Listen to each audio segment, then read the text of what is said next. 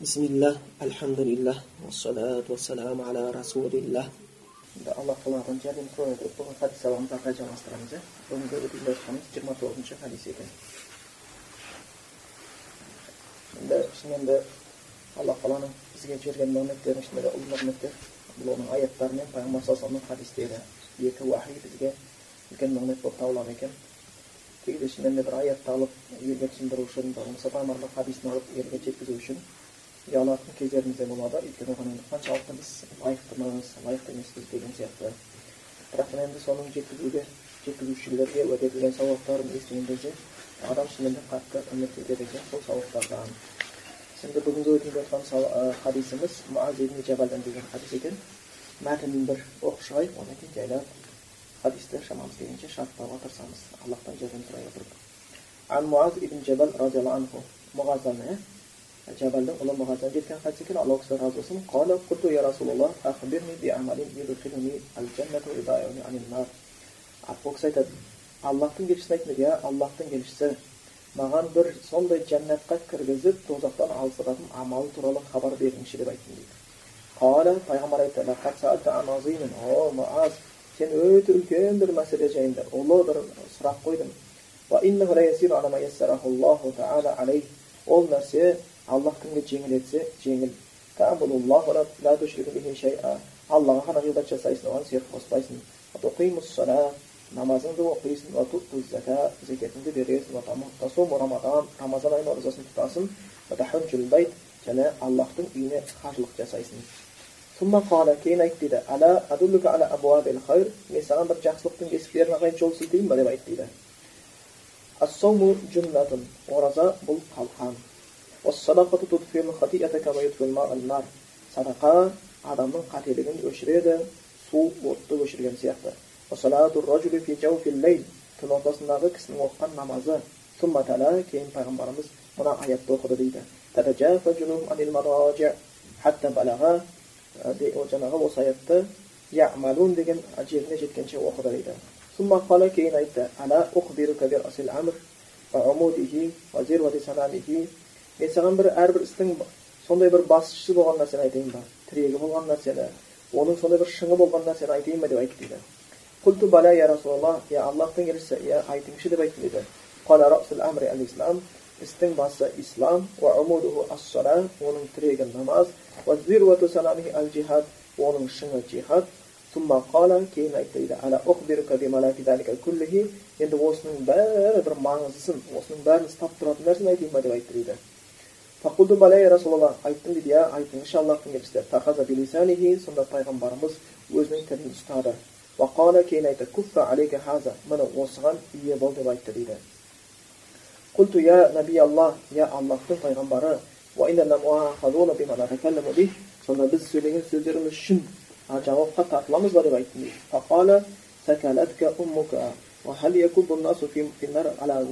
айтты дейді сонда ей анаң сені жоғалтсын көп адамдар дейді тозақта жүздеріменен болмаса тұмсықтарыменен тозақта жер сүзеді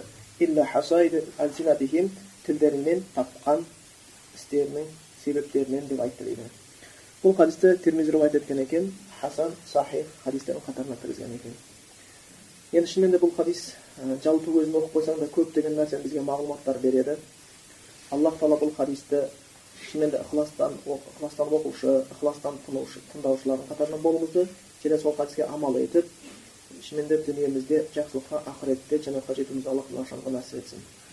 Енді муаз ибн жабал бұл кісі туралы біз басында бір айтып кеткенбіз иә бір хадисті өткенбіз.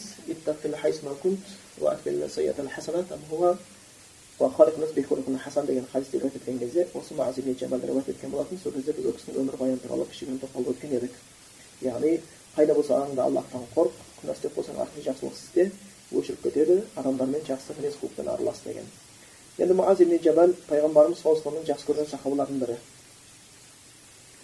пайғамбарымыз саллаллаху алейhi вассалам жаңағы сендер ішіндегі харам сендер ішінде халал харамды жақсырақ білетіндерің муаз деп айтқан болатын муаз ибн жабал деп өте білімді болған бірақ бұл кісі ерте қайтыс болып кетті отыз сегіз жасында оба ауруынан қайтысқан болатын еді бірақ сондай аз өмір сүргеніне қарамастан бұл кісінің білімі өте жоғары болды. Пайғамбар мұхаммед мұстафа саллаллаху алейhi жабалды йеменге кәдімгі насихатшы ретінде жіберген болатын. Йемен қаласында бұл кісі жіберген кезде енді баршамызға мағлұм болған ол хадисті бәріміз білеміз иә сенің ең бірінші шақыратының ла иляха иллалла куәлігі болсын оған бойсынсын намаз болсын деп үйреткен жерлері бар еді. Бұл сол кісіден жеткен хадис екен. Енді ол кісі пайғамбарымыздан сұрапты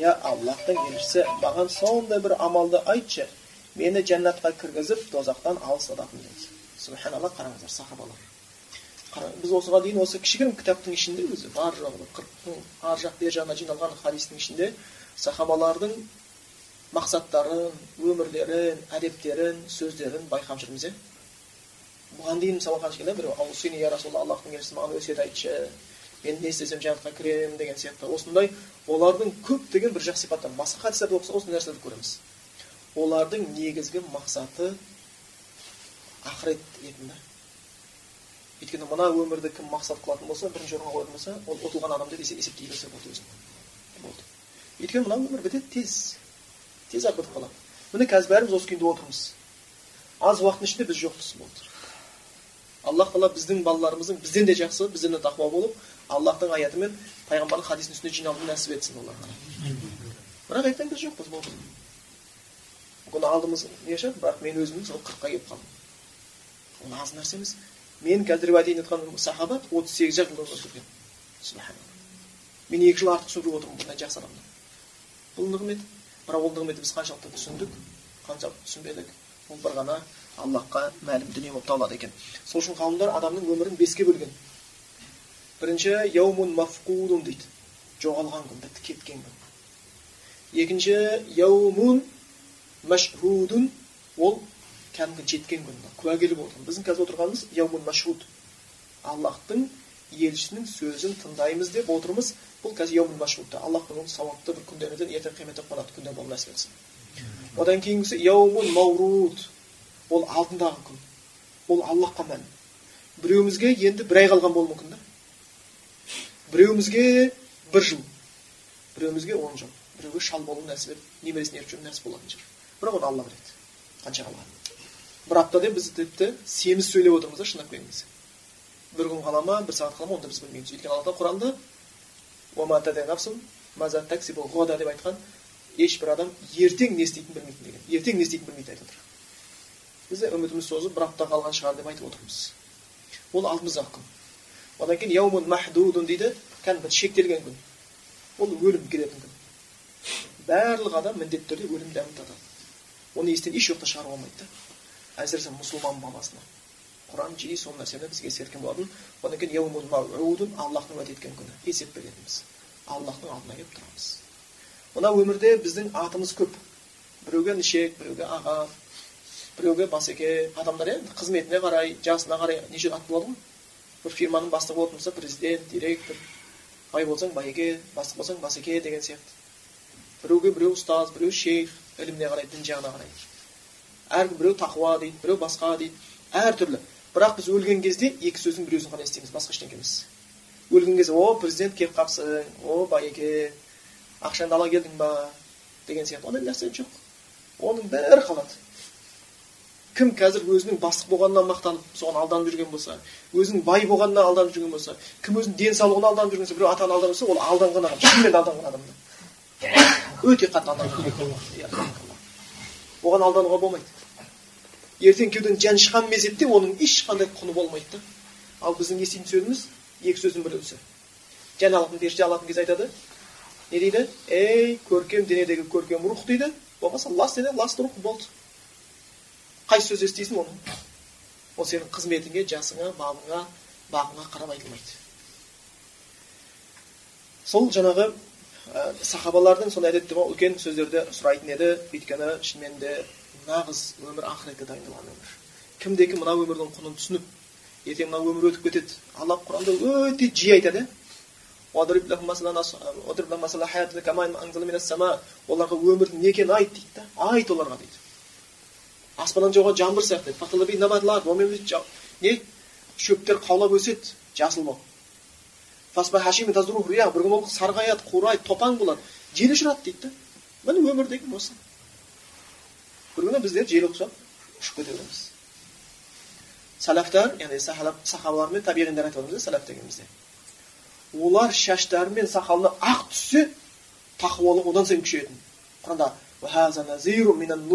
деген аятта құранда ескерту бұл аллахтың ескертулерінің алғашқысы дейді да көптеген ескерту сонда сақалына ақ түссе шашына ақ түссе охо құдайдың ескертуі маған келді деп қояды да біздің қартайғанымыз ескерту біздің ауырғанымыз ескерту біздің қиыншылық көргеніміз ескерту біздің қуанғанымыз ескерту біздің таң атқанды көргеніміз ескерту біздің күн батқанды көрген бұның бәрі ескерту кекте көктемді көргеніміз ескерту болған енді қысты көріп отырмыз бұл да ескерту сондықтан шынымен де ақыл бар адам ақыретті көп ойлайды сол үшін сахабалардың бұл әдептерінде олар түсінгенде айтты. Иә аллахтың елшісі мені жәннатқа кіргізіп дозақтан құтқаратын амалды айтып берші деді пайғамбар саллаллаху оның сұрағын естігенде айтты сен үлкен нәрсені сұрадың өйткені сахабалардың дәрежесі үлкен сөздері де үлкен да. Қазіргі сөздер адамдар майда сөздері де майда да. Тек бірін бірін осы дүниенің сөздерімен шектелген. Бірін бірін қалай мақтау керек қалай қылу керек осыған көңіл бұрып қойған да бірақ аллахтың алдағы сөзі ешкімге керісінше аллахтың ашуына тиетін пайғамбардың сүннетіне қарама қарсы сөз сөйлеп отырғандар өте көп. Ей мынау не сақал мынау не не деп жүрген адамдар бар да? Е не болды сонша намазың өліп бара жатсың ба? Пенсия шыққанда деп жүрген адамдар жоқ емес. Олар да мұсылманмын деп жүр да. Бұл жай сөйледім деп ойлап отыр да олар олар жай сөйлеген жоқ. Біріншіден қоғамның адасуы олардың миына кірген. Екінші ол сөз үшін құдайдың алдында жауап беру керек болды ол жай сөз емес. Ол жай сөз болып табылмайды екен. Сол адамдар құдайдың алдында бармайтындай қорықпайтындай тұр. Бірақ сол адам басына күн туып соттың алдына келсінші екі аяғы дірілдеп аузынан сөз шықпай қалшылдап кетеді ей сен пара беріпсің ғой! десе бітті. Ауырып уайымдап ұйқысы келмей қалуы мүмкін да. Бірақ құдайдың алдына барған кезде ей пенде сен ба менің шариғатымды жөндейтін сен ба намаз оқитын оқымайтын шешетін сен ба орамал тағу тағу шешпейтін деген кезде оның жағдайы қандай болатынын ойлаудың өзі қорқынышты пайғамбар сахабасына айтты сен өте ұлы нәрсе туралы сұрадың кейін айтты және ол істер жәннатқа кіргізіп дозақтан құтқаратын істер жеңіл дейді. Аллах кімге жеңіл етсе? Субханалла. Расында жеңіл да. Шариғат осы осы басын бәріміз намаз оқып жүрміз ғой аллахқа сансыз мақтаулар болсын намаз оқығаннан бір естідіңіздер ма бір адам шалбар еді намаз оқып жүріп оқып жүріп тоқсан жасына жеткен кезде белі шыдамай үзіліп кетіпті бейшараң деген. Ондай жоқ. бір бала әкесімен бірге намаз оқимын деген кезде мойны сынып кетіпті. Ондай нәрсе жоқ. Бұл тоқсандағы қария да тоғыздағы бала да оқи алады. бір бес минут он минут намазға уақыт кетеді. Бірақ енді қараңыз бұл жеңіл еткен адамға жеңіл. Және таухид иә бір аллахқа сыйын дейді. Ешқандай қиын емес. Бір аллахқа сыйынамын алла сенен жәрдем сұраймын. Болды мен аруаққа да сыйынбаймын исаға да сыйынбаймын мен күнге де жынға да отқа да ештеңеге сыйынбаймын деп айтып сонымен жүру құдайдың айтқан қиын емес та. Бірақ осы біреулер үшін аман болып кеткен да әруаққа сыйынба деген кезде қылқынып қалады. Тіпті мен бір кісіні білемін. Аты жөніне дейін білемін. Сенің аллаңды менің әруағым бытшын шығарады дейді да ең соңында айтқан сөз. Қызметі бар байлығы бар. Туған туысқандары беделді болып жүрген адам. Енді бұдан кейін не дейсің оған енді? Алла құранда олар өздерінің сыйынған нәрсесіне әскер болып кеткен дейді да әскер болып кеткен дейді. Сол үшін жан берейін деп тұр. Әруақ оны білмейді ертең қиямет күнінде танымаймын мен бұл сыйын деп жатқан жоқпын дейді болды а ол әскер болып кеткен дейді енді оған не дейсің енді енді оны төбелесем ба алсам ба жарайды бейшара көнеді бетпақ жеңеді деп кетіп қалды ертесіне больница түсіп уже басқаша сөйлеп қалыпты да ол дейді жеңіл дейді шынымен де дін негізі ислам діні адам өмірін жеңілдету үшін келген да ауырату үшін келген жоқ исламның бүкіл қағидасы адам өмірін жеңілдету үшін келген алла құранда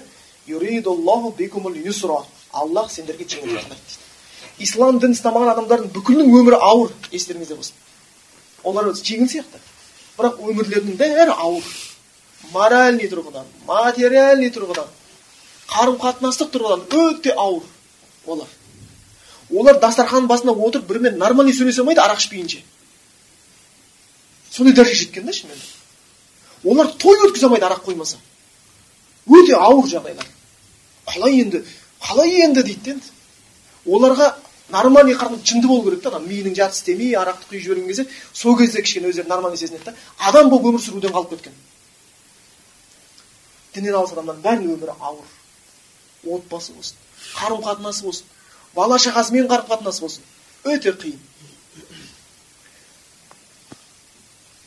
Аты жөнін айтпай білетін шығарсыздар. Енді кең тарап кетті ғой. Бір әкемнің баласы өзінің туған шешесін ұрып больницаға түсірген білесіздер иә ақша бермей қойған үшін достарымен қыдыруға бәрі бар сияқты. Бірақ дым жоқ өмір сүріп жатыр ал енді аллах бұл дінді жеңілдету үшін жіберді. Дінде сендерге қиындық жасаған жоқ дейді. Мұсылманға келетін қиындық көбінесе мұсылманға айтылған жала жаладан келеді да сөзден. Сендер дейді ілгері кітап егелерінен және мушриктерден көп сөз естисіңдер жан ауыртатын дейді бізге қиындық содан уахабис террорист адасқан арабтың ақшасын алып жүр бірдеңе бұлардың ар жағы жарып кетуі мүмкін бірдеңе осы сөздер тынбай келе береді тынбай келе береді осыдан адам кішкене қиындық көреді сол үшін пайғамбар саллаллаху да аллах не айтты ей пайғамбар олардың айтқан сөздеріне сабыр қыл деді күн шығардан бұрын күн батардан бұрын аллахқа намазыңды оқи бер деді ол сөздерге мән берудің қажеті жоқ құлшылық істеп жүре беру керек қазақша айтқан кезде ит үреді көш жүреді олар да абалап абалап өмірден өмірлерді өтеді құдай құдай деп біз де өтеміз өмірден одан кейін белгілі болады кімнің жағдайы қандай болатыны ар жақта бұл жәннатқа кіру тозақтан құтылу жеңіл еткен адамға жеңіл дейді да құранда келеді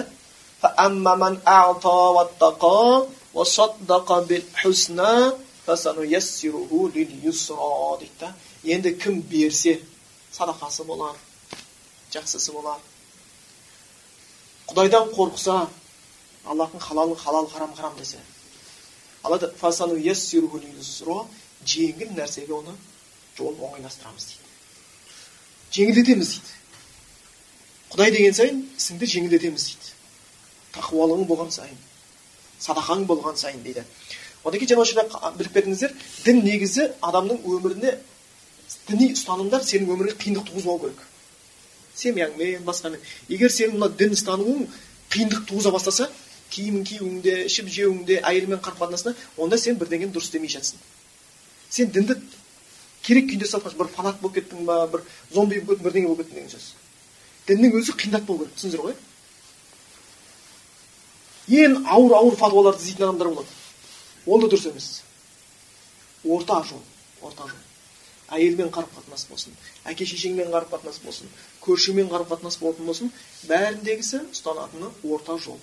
Мына границке өткізу керек мына границке өткізуге болмайды екен. Пайғамбар айтты шынымен де ол нәрсе жеңіл аллахтың өзі жеңілдетеді да кейін айтты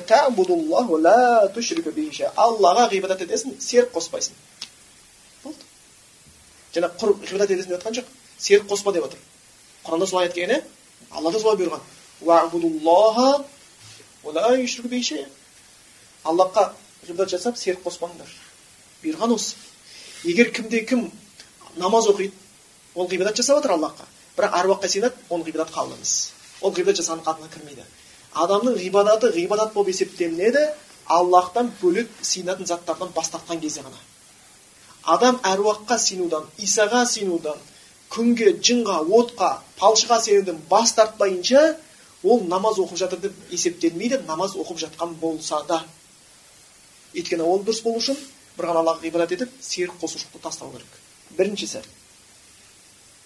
Дейді кейін пайғамбарымыз айтады намаз оқисың дейді аллах жеңілдетсе субханалла сахабалар бұл намазды аз көретін біздің оқшау біреу қиналып жүрген намазды намазда олар рахаттанатын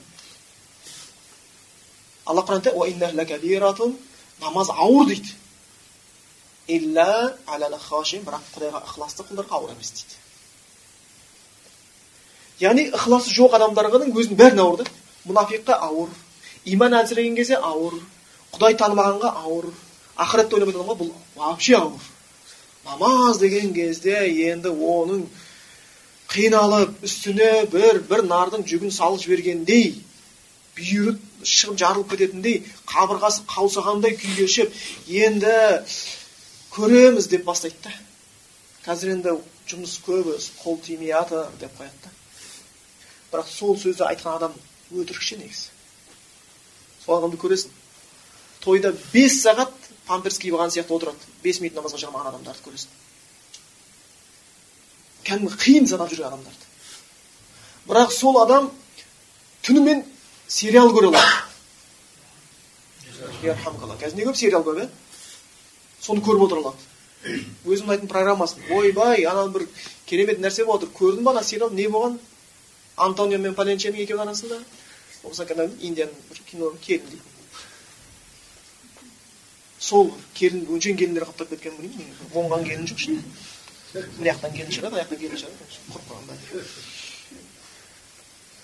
сонда қарасақ бұл жерде шынымен де намаз қатты қиын емес. Бірақ соны тапқан адам бес минут намаз оқығанға қиналған адамдардың басқа бір нәрселерде қиналмай істегенін көресің. Бұл жеңіл шын құдайдан қорыққандарға. Яғни алла мұнафиқтарды мұнафиқтар дейді да екі жүзлі намазға тұрған кезде жалқау тұрады дейді егер бір адам қарап қалатын болса онда намазын күшті оқи бастайды да ешкім жоқ болатын болса ой енді қаза да бар ғой деген сияқты оқыған кезде күн батқанша күткізіп күткізіп оқыған намазы жем шоққандай шарт шұрт дегізеді да болды тау жем жатқан сияқты болмаса қарға қан шоқып жатқандай екіншісі намаз. Зәкат зекет беру. Зекет шынымен де бұл қайырымдылық бұл мұсылман бойында үлкен бір қасиет. Тақуалықтың бір көрсеткіші. Тақуалықтың ең үлкен бір көрсеткіші болып табылады адамның қолының ашық болуы. Бұл шектен шығу емес бұл қолдың ашықтығын көрсетеді екен. Сол үшін шынымен де мұсылман адамның әрқашанда ә, зекет деген өзі қиын да нәрсе емес. Енді қырық қойдан бір қой сен нысапқа жеткен малыңнан бір екі жарым процент деген ол ештеңке емес та. қырық қойдың бір қойын құдайға бергісі келмейтін адамдардың жұмысқа тұру үшін қырық қойдың отыз тоғызын беріп жатқанын көзіміз көріп жүр да бәріміз бас аман болса мал бітеді деп қой дегендей ғой дұрыс беріп жүр ғой жұмысқа кіру үшін мың доллардың екі мың доллардың костюмін басқа да беріп жүр да. Бірақ соны асырап ырысын беріп сондай жаңа бүкіл нығмет беріп аллах тағалаға келген кезде шайтан сол кезде оны бас салады да енді жалаң аяқты тапсын да ақша немене біздің ақша қарап қалды ма деп. Берген міндетсініп сосын садақа берген кезде өте риядан сақ болу керек. Мақтану үшін беру керек. Және міндетсінуден сақ болу керек. Екеуі де сауапты жойып жібереді. Рия деген енді біреу көрсін менің қандай жомарт екенімді білсін деп беру иә ал міндетсіну деген біреуге садақа бергеннен кейін е саған садақа беріп жүрміз ғой кішкене адамды сыйласайшы сен нормально болсын неге сонша деп міндетсіну бердің болды ұмыт міндетсіну болмайды егер ойлап тұрсаң қазір мен мына кісіге бір көмектесіп жіберейін садақа беріп ертең бұл маған көмектесіп қалсаң бұны обмен дейді да бұны сауап демейді болды алла үшін одан сен қайырын күтпейсің таза сол үшін қолдан келетін болса жасырын болғаны жақсырақ. Білсең бір жерде біреу қиналып жатыр мұқтаж басқа дегенді кәдімгі оң қолын сол қолын білмейтіндей бұл деген жеті адамның бірінің қатарына кіргізетін нәрсе. Құран аяттарын оқысаңыздар жәннатқа кіретін адамдардың көбіні не деп айтады? Итамул мискин деген сияқты. Олар міскінге тамақ береді садақа береді жетімдерді жақсы көреді деген сияқты аяттармен өте көп сипаттайды. Бір сипат оларда осындай зекет енді бұл парыз етілген садақаның қатарына кіреді екен. Отасу рамадан рамазан айының оразасын тұту оны біз бұған дейін талап өткенбіз. Хадистерде рамазан айының оразасы енді отыз күн кейде айға барады жиырма тоғыз күн де болуы мүмкін. Жаңағы аллахтың үйіне қажылық жасау бұл исламдағы бес парызды айтып өтті пайғамбар мұхаммед саллаллаху бұл бес парыз бұл қарасаңыздар осы жерде жиі қайталанады иә? Жиі қайталанады бес парыз кейін пайғамбар айтты дейді саған жақсылықтардың есігіне жол сілтейін ба деп айтты дейді ол парыздан бөлек енді пайғамбарымыз нәпілдерді айта бастады айтты ассауму джуннатун ораза қорған деді да қалқан деді бұл енді негізі нәпіл ораза өйткені жоғарыда парыз айтып қойды саму рамадан деп оны айтып қойды енді бұл жерде менің қарасақ бұл нәпіл оразаны айтып жатыр одан бөлек кішкене нәпіл оразаларда адамда болса дүйсенбі ұстайтын шығар болмаса жаңағы ә, айларды келген сияқты ә, осы күннің мұхаррамда ұсталынатын оразалар шығар ә, шауалда ұсталынатын оразалар шығар сондай оразаларға негіздеп жатыр ол да адам бойында болғаны жақсы ол қорған дейді қорған не тозақтан адам баласын бәрекеттен адам баласын қорғайды садақа жоғарыда зекет деген ол да садақа мынау енді нәпіл садақа парыз садақа мен нәпіл садақада парыз садақаны бере алған нәпіл садақа оған беру қиын емес садақа адамның қателігін өшіреді су отты өшірген сияқты қараңыздар адамның қателіктері от сияқты нәрсе екен да сені өртейді сенің отбасыңның берекесін өртеп жібереді сенің адамдармен болған қарым жақсы қарым қатынасыңды өртеп жібереді. Сенің жақсы амалдарыңды өртеп жіберуі мүмкін. Сенің көрген мінез құлқыңды өртеп жіберуі мүмкін да.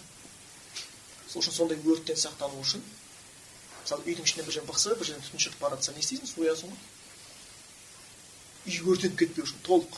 Сол үшін адам баласы өртеніп кетпеу үшін осындай садақамен өзін құтқарып отырған жақсы екен. Нәпіл садақалар. Одан кейін пайғамбарымыз айтты кісінің түннің ортасында оқыған намазы енді хадистің бұл жерде айтқан кезде айтуға ұяласың енді кереметтей болып мүмкін оқып жатқан бауырларымыз бар болатын болса алла сауаптан арттырсын бірақтан біздің бойымызда шынымен де бұл нәрсе болуға жақсы өйткені құран аятында да көп жиі келеді деп келеді ғой олар түнде аз ұйықтайды деген сияқты сухир уақытысында құдайдан көп кешірім сұрайды дейді сухир уақыты дегеніміз ол намаздың алдында сонда олар намазды уақытысы кірерден бұрын тұрып алады деген мағына беріп тұр да кірерден бұрын тұрып алады деген мағына беріп тұр сол үшін ә, сахабалардан сәләфтардан біз жиі білеміз пәлен деген адам болды қырық жыл намаз оқыды бес уақыт намаздың азанын ол тек қана мешітте естіген дейді да яғни ол уже алдын ала дайындалған адам. Сол күйінде ал бұл жердегі жаңағы түнгі намазға байланысты келген кезде оған да қатты көңіл бұру керек болып табылады екен. Өйткені пайғамбар саллаллаху жеткен хадис бар.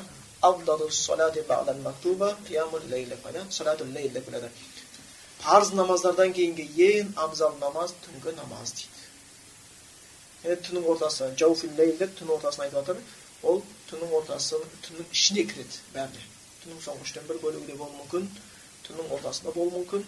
Бірақ мұсылман бойында осы әдет болса өте жақсы. Пайғамбар мұхаммед мұстафа саллаллаху абдулла ибн омар омардың баласы абдулланы мақтап бір кісілер келеді.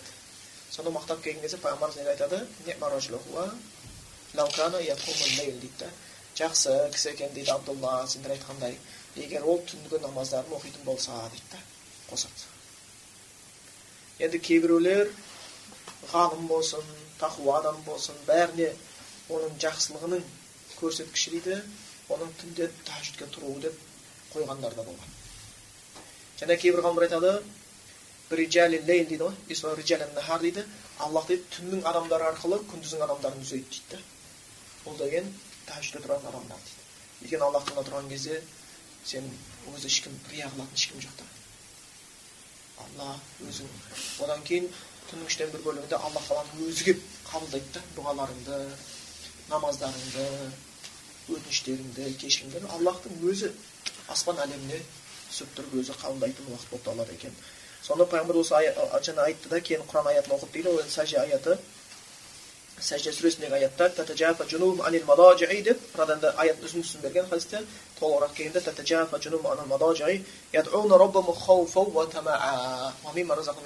келеді олар жаңағы түнде төсектен жамбастары көтеріліп деп келеді. Раббыларына дұға жасайды. Намаз оқиды. Қорқынышпен және үмітпенен. Өлі намаз емес тірі намаз. Рухы бар намаз.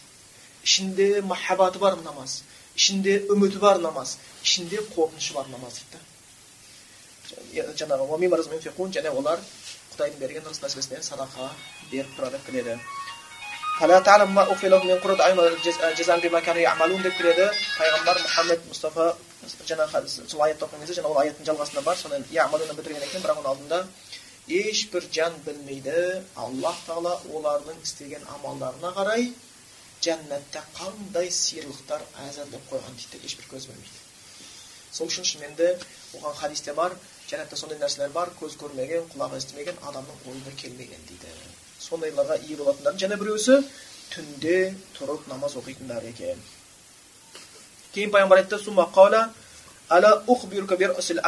енді саған істің басын айтайын ба ең маңыздысын істің басы неден басталады дейді бұл жаңағы енді бас дегеніміз кез келген нәрседе өзі бас деген ең маңыздысы басталуы қазақта жиі қолданамыз ғой мысалы мал басы деген сияқты төл басы деп өйткені соның басталуы бұл істің басы не деп келеді пайғамбар мұхаммед саллаллаху саған дейді істің басын айтайын дейді тірегін айтайын және шыңын айтайын дейді айтайын ба деп хабарлайды абдул жаңағы муаз айтады иә аллахтың елшісі хабарлаңызшы дегенде расул әмір ислам істің басы ол ислам дейді ислам негізі қай кезде дұрыс болады бір ғана аллахтың сыйынуға лайықты екенін түсініп серік қосушылықтан бас тартқан кезде оның тірегі намаз деп айтты дейді намазға қатты көңіл бұруды қайтадан айтып отыр өйткені ассала деп намаз діннің тірегі дейді амуд дегеніміз тіреп тұратын нәрсе кәдімгі мынау біздің төбеміздегі потолок не істеп тұр жаңағы шатыр тіккен кезде оны ұстап тұратын діңгекті тірек деп атайды егер оны тіреп тұрған нәрсе алып тастасаң шатыр құлап қалады ортасына намаз деген сондай нәрсе кімнің намазы жоқ оның діні құлап жатыр деген сөз ол ең маңызды бір нәрселердің қатарына кіреді пайғамбарымыз саллаллаху осы хадистің ішінде қараңыздаршы намазды қанша рет айтып кетті жоғарыдағы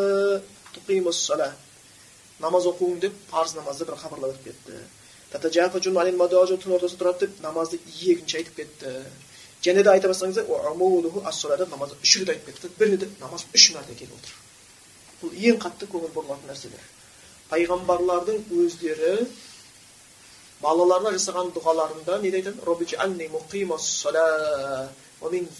алла мені намаз мұқима мықты оқитындар және менің ұрпағымды тілейтін болғанда бұл ең маңыздысы болып табылады өйткені құдайдың алдына барған кезде ең бірінші сұрақ намаздан басталады елу мың жыл аяқта тұрып аллахтың алдында есеп беру деген субханалла алла сақтасын ол оңай шаруа емес біз елу жыл жарайды өмір сүреміз бе сүрмейміз аллахқа мәлім. Елу жыл және елу мың жыл. Салыстырып көріңіздерші. Елу мың жыл не нәрсе үшін тұрамыз? Әлі есеп басталған жоқ. Қабірден тұрып есеп күтетін уақыт. Түсіндіңіздер ғой? Есеп қанша уақыт болады? Қыл көпірді өту қанша уақыт болады? Амал дәптер қанша оны алла біледі. Сонда біз үлкен күнге дайындалып жатырмыз. Мынандай аз ғана нәрсенің ішінде. Мына аз қас қағым сәттің ішінде осы қас қағым сәт біздің мәңгілік өміріміздің қандай болатынын шешейін деп тұр да. Бүкіл қас қағым сәт. Егер ақыретте күтіп тұрған біздің мәңгілік дүниені күтсек мына өмір дым емес екенін біз түсінер едік. Мына бір елу жыл егер жетсек оған сахабаларға жетпей кеткен адамдар мына хадисті риуаят еткен адам елу жылға өмір сүрген жоқ. Сахаба муаз ал енді сол елу жылды бүкіл нәрсені шешеді да. Ертең елу мың жыл аяқта тұрған кезде күн төбеден жақындап киім жоқ жалаң аяқ жалаң аш. Адамдардың аққан тері менен көз жастары олардың аузына юлжам аузымен тұмсығына келіп тіреліп тұр. Оған дейін ол әбден терлеп жерге сіңіп сіңіп сіңбей қалып ол көтерілген суда бұл ол бассейн емес ол балқаштың суы емес ол тер мен көз жасы тер мен көз жасы омар разиаллаху тура жылаған көз жасы оның беліне де жеткен жоқ қой. Бірақ сондай жылайтын оның бетінде еріксіз қалып кеткен көз жасы жеп қойған. Андай сен көз жасымен терге салып қоятын болатын болсаң ол қиын нәрсе. Бірақ сол кезде бір адамдар болады.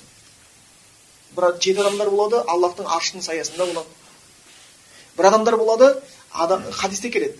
Садақа дейді осы елу мың жылдық күні дейді берген садақа дейді адамдардың төбесінде көлеңке болады дейді әркімнің берген садақасына қарай біреудің көлеңкесі үлкен біреудің көлеңкесі кішкентай біреудің денесінің бір шетіне күн түсіп бір шетіне түспей тұр деген сияқты біреудің бүкіл денесіне көлеңке түсіп тұр деген сияқты оның басына садақалары көлеңке болатын тұстар болады екен. Сол кезде осы одан кейін есеп басталады. Есеп басталған кездегі ең бірінші сұрақ намаз болады да. Сонда бұған қатты көңіл бұру керек екен. Және дейді оның шыңы жихад дейді. Бұл жердегі жихад аллах жолындағы соғысты айтып жатыр ал аллах жолындағы соғыс ол біреуді қыру жою емес білеміз иә аллахтың діні аллахтың сөзі жоғары үшін болатын нәрсе. Бұл жанын беруге дайын болған адамдардың амалы. Бұл кәдімгі діннің ең жоғарғы шыны деп есептеліп кеткен болып табылады екен. Өзі зируа дегеніміз шыңды айтады. Санам деп түйенің өркешін айтады. Мысалға осы араларыңызда малға жақын кісілер бар шығар қазақтың көбісі малға жақын ғой. Түйенің қонды қонсыз екені жағдайы жақсы жақсы емес екені семіз семіз емес екендігін неден қарап біледі? Өркешіне қарап. Өркеш құлап қалса? Ар жанамысың өркеші тұрып тұрса? Мықты деген сөз. Мұсылмандардың әлсіз әлсіз емес екенін осыған қарап біледі да түсіндіңіздер ма мұсылмандар күшті ме күшті емес пе осыған қарап белгі болады мұсылманнан дұшпаны қорықпаған кезде қор қылады да қорыққан кезде қор қыла алмайды. Бірақ бұл не үшін орнатылған? Аллах біреудің жерін жаулап қырып жою үшін емес аллахтың дінін тарату үшін. Исламдағы джихад мұсылмандардың емес кафірлердің де пайдасы үшін да. Өйткені оларды күфірліктен құтқарып дінге кіргізесің қанша джихадтың арқасында үлкен рим империясы парсы империялары ислам дініне кіріп қанша деген ғұламалар шыққан. Сонда бұл не деп есептелінеді? Кәдімгі шыңы есептелінеді екен.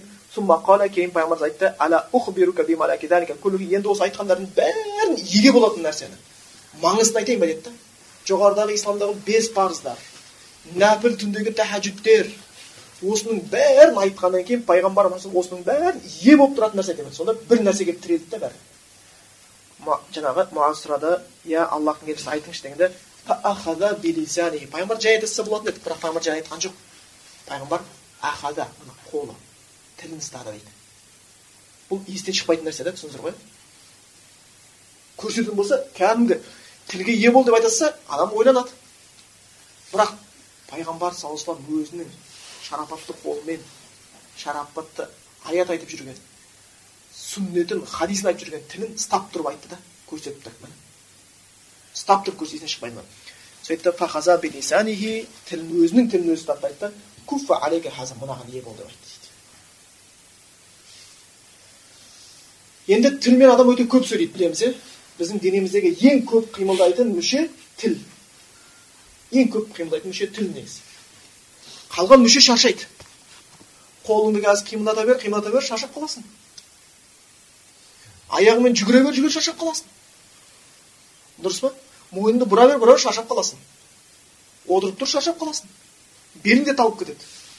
Бірақ екі сағат бес сағат сөйле шаршамайсың. Тілің тұра береді. Ал енді сол кезде сен сол шаршамайтын нәрсемен сауапты көп істедің ба? Күнәні көп істедің ба? Оны аллах тағала білуші. Осы сөзді айтқан кезде муаз кәдімгідей шошып пайғамбарға сұрақ қойды. Я наби алла я аллахтың елшісі сонда біз сөйлеген сөздеріміз үшін жауапқа тартыламыз ба деп жатыр да өйткені ішінде жай сөз бар ғайбат сөз бар харам сөз бар рұқсат етілген сөздер бар сонда пайғамбар айтты анаң сені жоғалтқан бұл қарғыс емес бұл пайғамбар мұхаммед мұстафа түсіндіру үшін арабтар қолданған сөз кей бір сөзге мән берсін деп айтылады да қазақта сондай сөздер кезі бар иә егер осы айтқаным өтірік болатын болса мұрнымды кесіп берейін дейді да ол саған мұрнын кесіп бермейді. Бірақ бұл шын сөзім деген сияқты болып тұр ғой.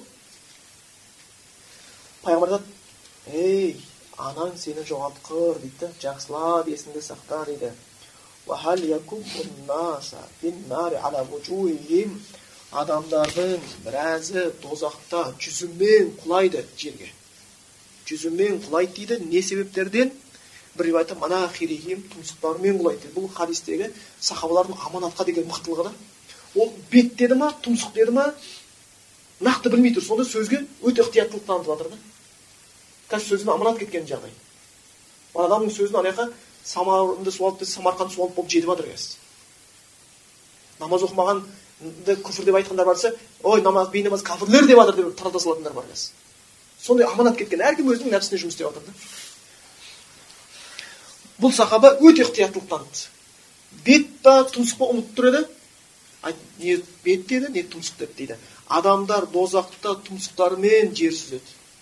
Беттерімен жер сүзеді. Не үшін? Жер сүздіріледі. Не үшін? Тілмен тапқандар үшін дейді.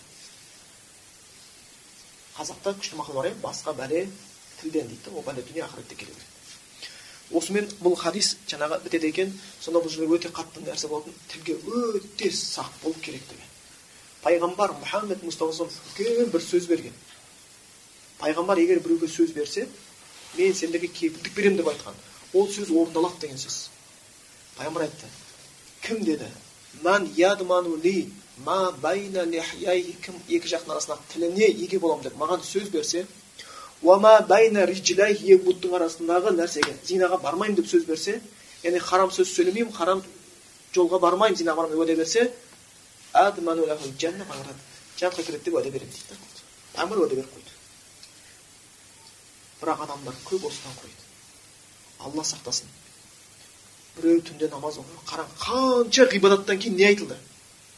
Исламдағы бес парыз таухид намаз түнгі тәхаджуд соның бәрін айтқан ең соңында тіліңе еге бол деп жатыр осының бәрін сауабы саған керек па тіліңе еге болып жүр дейді бір адамдар болады мына өмірде нәпіл ораза түнгі тәхаджуд таудай садақа көп намаз бәрін істеп жатыр бірақ өзі үшін емес біреуге бере салу үшін өйткені біреуді ғайбаттап жүр біреу үшін істеп жүрген адамдар бар қазір өзі үшін емес намазын оразасын бәрін біреуге берейін деп жүр да ертең қияметте сонда шынымен бұған келген кезде өте өте өте үлкен сақтық керек.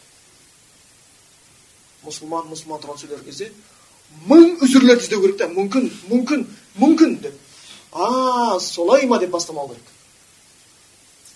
Бұл жерде шынымен де мың үзірлерді сақтау керек болады. Өйткені бұл тіл дүниенің де быт шығарады. Ақыреттің де быт шығарады екен. Пайғамбар сол үшін айтты. Бұған дейін хадистер көп өттік иә бұған дейін хадисте көп өттік кім аллаға ақырет жақсы сөз болмаса үндемесін деген сияқты жаңағы жол хадисте кім маған уәде берсе тілімен бұтына еге боламын деп жәннат уәде етемін деп отыр болды пайғамбар ол оңай шаруа емес ол оңай шаруа емес шынымен де бірақ тілдің шахуаты пұттың шахуатынан ауыр зина жасамайтындар бар бірақ ғайбаттан құтылғандар өте аз және мүмкін ол шаршайды ол жердегі бұттың арасындағы нәрсе тіл шаршамайды да бұттың арасындағы нәрсе бес он минуттан кейін бітті оның шаруасы қылжияды бірақ мынау қақиып тұра береді сіздер еш уақытта естімейсіздер біреу белсіз болып қалды дегенді естулеріңіз мүмкін бірақ біреу тілсіз болып қалды дегенді ести алмайсыздар пәленшенің тілі простатит болыпты дегенді естімейсіздер сол үшін бұған өте сақ болу керек бұған өте сақ керек сол үшін пайғамбар мұхаммед мұстафа өзінің жақсы көретін сахабасына кәдімгідей жәннатқа кіргізетін тозақтан құтқару амалдардың бәрін айтып айтып парызын нәпілін бәрін айтып кетті ең соңында қолымен тілін ұстап тұрып мынаған ие бол деді да осының бәрі саған керек болатын болса деді аллах тағала біздерді шынымен де жақсы сөз сөйлеуге жақсы істеуге нәсіп етсін. Күнәларымыз болса кешірінсін. Шынымен аллах тағала біздерді ғайбаттан өсектен жаладан сақтасын субханакалла бихамдика ашхаду ан ла илаха илля анта